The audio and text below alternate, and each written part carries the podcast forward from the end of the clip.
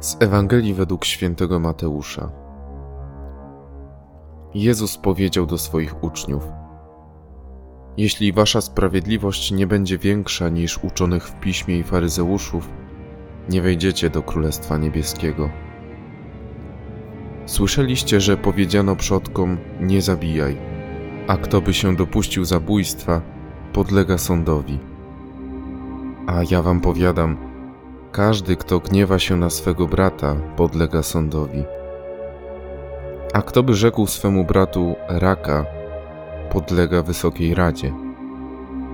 A kto by mu rzekł bezbożniku, podlega karze piekła ognistego. Jeśli więc przyniesiesz dar swój przed ołtarz i tam sobie przypomnisz, że brat twój ma coś przeciw tobie, zostaw tam dar swój przed ołtarzem a najpierw idź i pojednaj się z bratem swoim. Potem przyjdź i dar swój ofiaruj.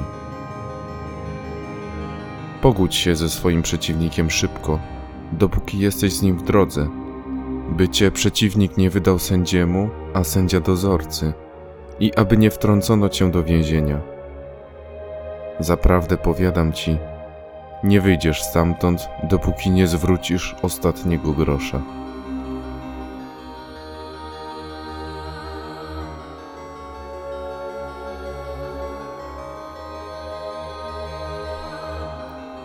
Czasami mówi się, że życie to sztuka wyboru, umiejętnego balansowania między naszymi najskrytszymi pragnieniami i tym, co przynosi szara codzienność. Słyszymy także, że jeśli ktoś chce zajść daleko, zrobić karierę czy dobrze się ustawić, to musi umieć pójść na kompromis. Przynajmniej w niektórych momentach przymknąć oko i wybrać mniejsze zło. Dzisiejszej Ewangelii postawa, jaką prezentuje Jezus, jest niemal całkowicie inna, bezkompromisowa. Mistrz z Nazaretu nie tylko przywołuje przykazanie dane Mojżeszowi przez Boga słowami Słyszeliście, że powiedziano, ale robi coś, na co żaden Izraelita by się nie odważył.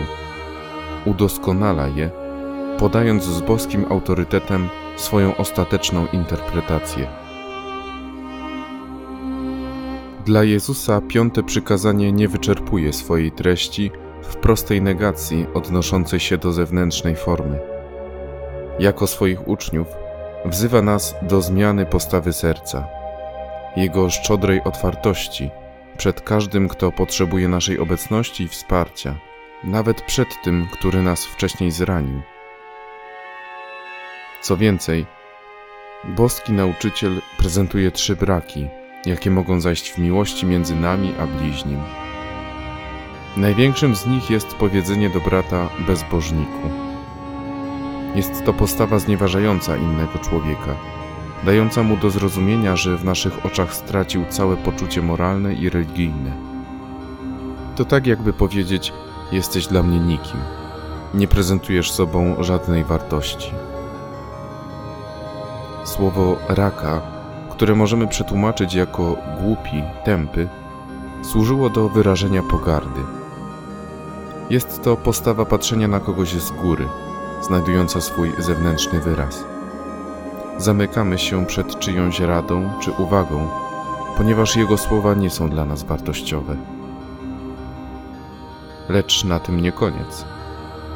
Dla Jezusa już sam gniew jest godny potępienia, gdyż od niego wszystko się zaczyna nawet mały, zatrzymywany we wnętrzu przez dłuższy czas, sprawia, że powoli zamyka się nasze serce, a jego skutki są często dużo poważniejsze od przyczyny. Być może warto dziś zrewidować nasze serce pod kątem postaw, jakie przybieramy w spotkaniu z innymi ludźmi. Często banalne sprawy, które dawno nie zostały wytłumaczone, powodują, że w naszym sercu znajduje się niechęć i złość, które nie pozwalają nam otworzyć serca przed drugim człowiekiem. A przecież, jak pisał Mikołaj Rej, wszystkie grzechy śmiertelne gniew w sobie zamyka.